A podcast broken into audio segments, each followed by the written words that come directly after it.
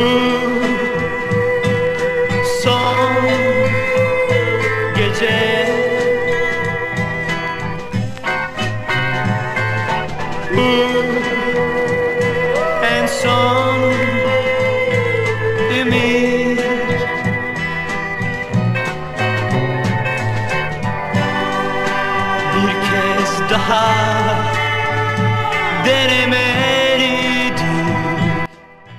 Abaküs Sanat, radyo dizisini gururla sunar. Uzlaşının Ölümü. İkinci bölüm. Yazan ve yöneten Fırat Abdullah. Kar fırtınası şiddetini iyice yükseltmişti. İşte şimdi pişman oldum çocuklara bu sonunda yürüttüğüm için. Biz muhtarlığı ararken üst katı gece mavisi, alt katı beyaz ile boyanmış evden birisi çıktı. Oo hoş geldiniz amillerim. Canınızı yerim sizin ya. Devletimin aslan bekçileri ya. Şöyle geçin oturun hiç rahatınızı bozmayın. Selamun aleyküm muhtar. Aleyküm selam amirim. Emniyet amiri İlyas Dağlar ben muhtar. Arkadaşlar da benim ekibim. Alpay komiser, Zehra komiser, komiser muavini Bülent. Memnun oldum amirim. Şeref verdiniz devletimin yiğit insanları ya. Bak şunlara ya. Az evvel aradıydı komutan zaten. He sizden haberim var. Vallahi şu komutan da esah adam ha. Bana bak muhtar. Sen bayağı genç adammışsın ha. Öyle muhtar deyince biz 60-70 yaşında bir amca bekledik açıkçası. Amirim eksik olmayın sağ olun ya. Vallahi kırkıma daha basmadım. Babam da muhtardı benim. Okumadım. İş güçte kolay bulunmuyor. Bu devirde biliyorsunuz. Muhtarlığı da devraldık. Malımız mülkümüz de var Allah'a bin şükürler olsun. Hem ne demişler ülkeye cumhurbaşkanı olamıyorsan mahallene muhtar olacaksın. yani sen iyi ki Cumhurbaşkanlığına girişmemişsin be muhtar. Ya amirim, komiserim, kurban olduklarım şöyle ikindi kahvaltısını niye kurdursaydım ya? Önceden haber etseydiniz. Vallahi hiç olmadı bu ya. Ya eyvallah sen bizim sorularımızı yanıtla o bize yeter. Orhan'ın cinayetini soruşturuyoruz. Orhan'a vermemişsin kızı. Bacının da Orhan'da gönlü varmış. Aman ablam değil mi öyle şey? Şirinimi Allah korusun anarşistlerden. Orhan'ı az etmezdim komiser ablam he. Anarşist adamın teki neresini sevesin ya. Gider kör bir kurşundan niye ölür falan. Kızım kimsesiz kalır sonra. Yani bak amilerim gördünüz öyle de oldu. Hem bunlara bıraksak zaten iki günde satarlar ya. Ama bu kasabanın çocuğu üzüldük tabii. Yani aranız pek iyi değildi anladığım kadarıyla. Yok yakışıklı komiserim benim. Ne iyi olsun aramız ya. Elin anarşistiyle diyorum ya. Bunlar vatanı satar ya. Vatanı kim satıyor satmıyor bırak da biz bakalım ona muhtar. Kardeşini Orhan'a vermek istemiyordun. Ne daha doğrusu Ahmet'e vermek istiyordun. E ne belli senin yaptırmadığın. Ben sana diyeyim muhtar efendi. En büyük şüphelilerden birisi sensin. Vallahi billahi alakam yok amirim. Ben niye hapislerde çürüyeyim onun yüzünden? Muhtar bey belki de başkasına yaptırdınız. Ya genç komiserim bu köyde hangi enayi benim için adam vurur ya? Bakma sen muhtar olduğuma. Tek nabzet benim o yüzden oy veriyorlar ya. Tamam muhtar tamam. Şimdi sen bize bir yardım et hele. Dosyadaki diğer isimlerle de görüşmemiz lazım. Sedat Hoca. Nerede buluruz biz bu Sedat Hoca'yı? Bir de kim bu adam? İmam mıdır? Öğretmen midir? Nedir yani? Ne iş yapar? Yok de amirim. Sedat Hoca imam değil de. Yani bu köyde imam yok zaten. Allah ondan razı olsun ama onu söyleyeyim. Efendi adamdır, oturaklı adamdır. Severiz. Caminin yanındaki medresede gençlere sanat sepet işleri öğretir. İlkokulda küçük bebelere ders nimne verir. Sözü de geçer burada. Hatta az uğraşmadı Ahmet ile Orhan'ın arasını yapmak için. Yani ama işte ne yapacaksın? Engel olamadı yani. Şimdi de medresede midir? He oradadır amirim. Şu köprü gibi bir yer vardı gelirken gördüyseniz. Onu geçin cami orada. Cami ile medrese zaten bitişik yan yanalar. Tamam muhtar. Şimdilik bu kadar yeter. Ama sakın bir yere kaybolayım deme. Soruşturma daha sürecek çünkü. Buradayız amirim korkmayın ya hiçbir yere kaybolmayız. Ama şöyle yemek mi yedirseydim ya. Tüh bir sofra kurdursaydık önceden deseydiniz. Ay, kalsın muhtar. Eyvallah kalsın. Daha sonra.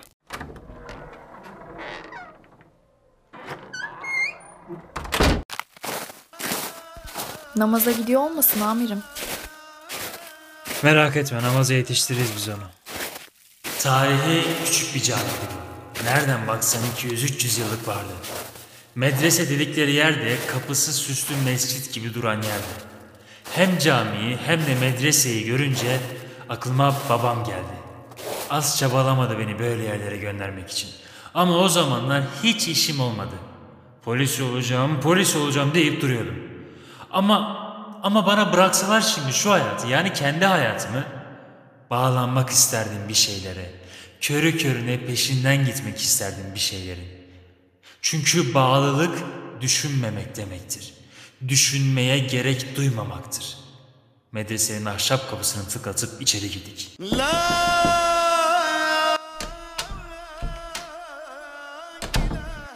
Beyefendi merhaba biz Sedat Hoca'ya bakmıştık ama. Merhaba. Buyurun benim. Cinayet şubeden geliyoruz. Emniyet amiri İlyas Dağlar ben. Arkadaşlar da benim ekibim. Orhan'ın cinayetini soruşturuyoruz. Birkaç sorumuz var size. Az önce muhtarın yanındaydık. Muhtarın dediğine göre e, Orhan'la baya baya muhabbetiniz varmış. Orhan benim de kardeşim gibiydi. Bir şey soracağım. Namaza gitmiyor musunuz? Yok memur bey. Bu yobazların arkasına namaz mı kılınır?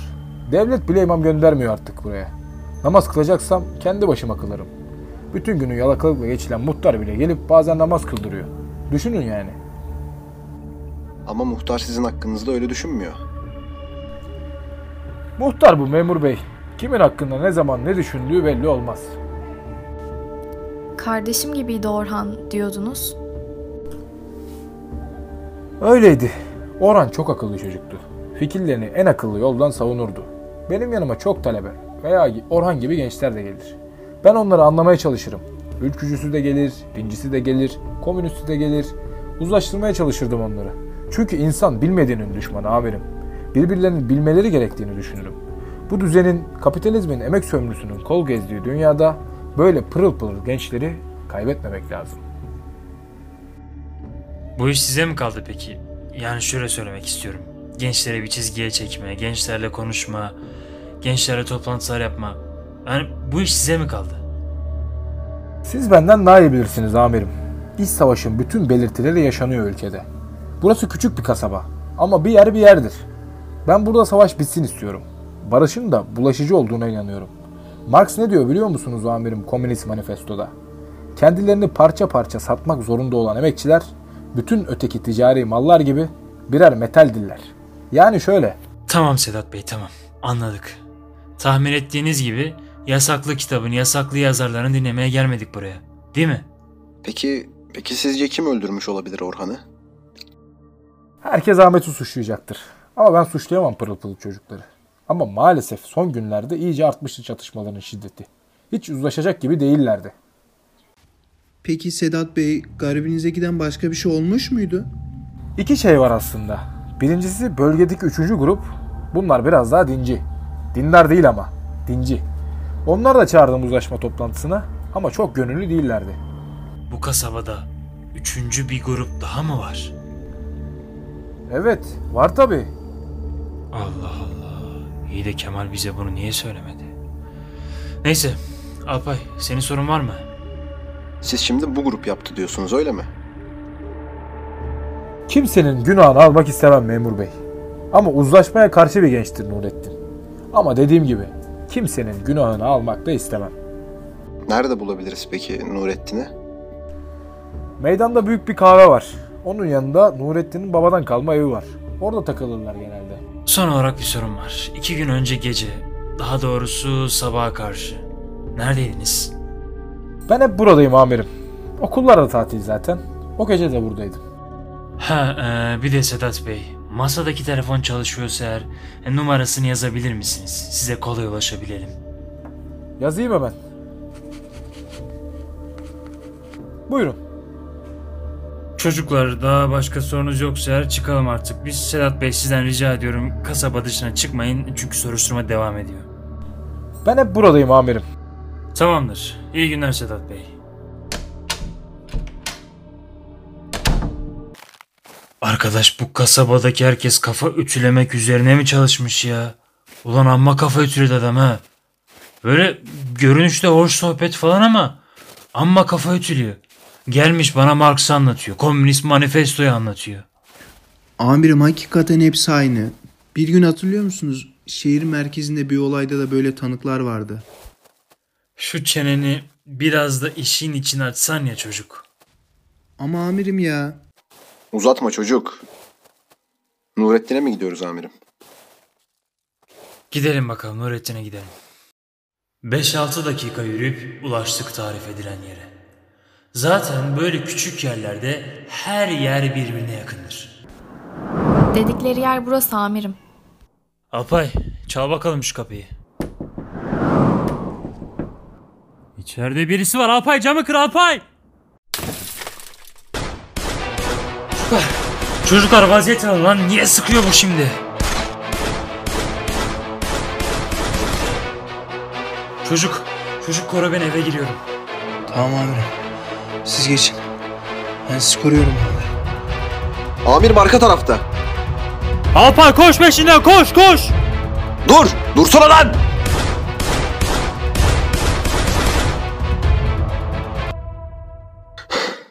Amirim arabaya bindiğinde yaraladım.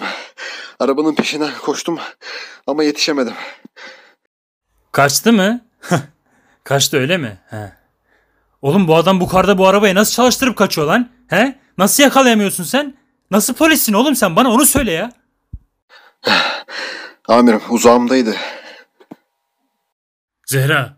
Zehra sen Alpay'ı da al. Hemen jandarmaya koşun. Bütün çıkışları kapatsınlar. He Alpay sen bir de jandarmaya gidince bu vurduğun adamın eşkalini tarif et mutlaka. Bakalım o adam hakikaten Nurettin miymiş. Çocuk sen benle kal. Şu eve bir daha detaylı bakalım. Beni iyi dinleyin arkadaşlar. Bugün Nurettin bu kasabadan çıkmayacak. Bugün biz katili bulup öyle döneceğiz merkeze. Evde kayda değer bir şey yoktu. Karakola geldiğimizde müzik sesi geliyordu. Barış Manço ve kaygısızlardan bir parça çalıyordu. Ses dışarıya kadar geliyordu. Çocuğa içeri girmesini söyleyip dağlara bakıp şarkıyı dinlemeye başladı.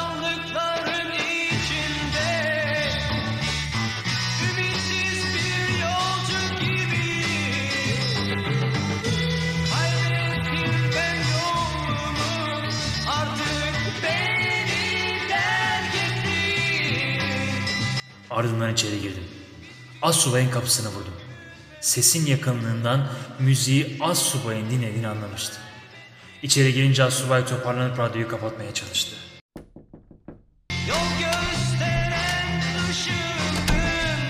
Zararı yok, zararı yok. Severim Barış Manço'yu. E, Biraz sesini kıssan yeter. Birkaç şey soracağım çünkü sana. Aa sevilmez mi tabii Barış Manço amirim. Bir de kol düğmeleri şarkısına bayılıyorum ben de ama şey e, pardon buyurun amirim sizi dinliyorum. Kasabada üçüncü bir grup varmış. Dinciler. Bize bunu niye söylemedin Kemal? Yani siz Nurettinleri diyorsunuz amirim. Yani bizim arkadaşlar araştırmışlardı onları. Pek dikkate alınacak bir tarafları da yoktu amirim. Yani silahları bile yok doğru düzgün ben öyle biliyorum. O yüzden de söylemedim size ama galiba hata etmişim. Silahları var Assubay'ım. Üzerimize sıktılar oradan biliyorum. Ayrıca şu ihtimal de var ki Orhan'ı öldürüp kendilerini duyurmak istemiş olabilirler. O yüzden rica ediyorum bizden bir şey saklama. Peki amirim. Size kolay gelsin. Biz toplantı odasındayız. Bir ihtiyacınız falan olursa buralardayız biz yine amirim. Size de kolay gelsin. Ayaklarım geri geri gitmeye başlamıştı artık. İyice daralan bir çemberin içinde gibiydik.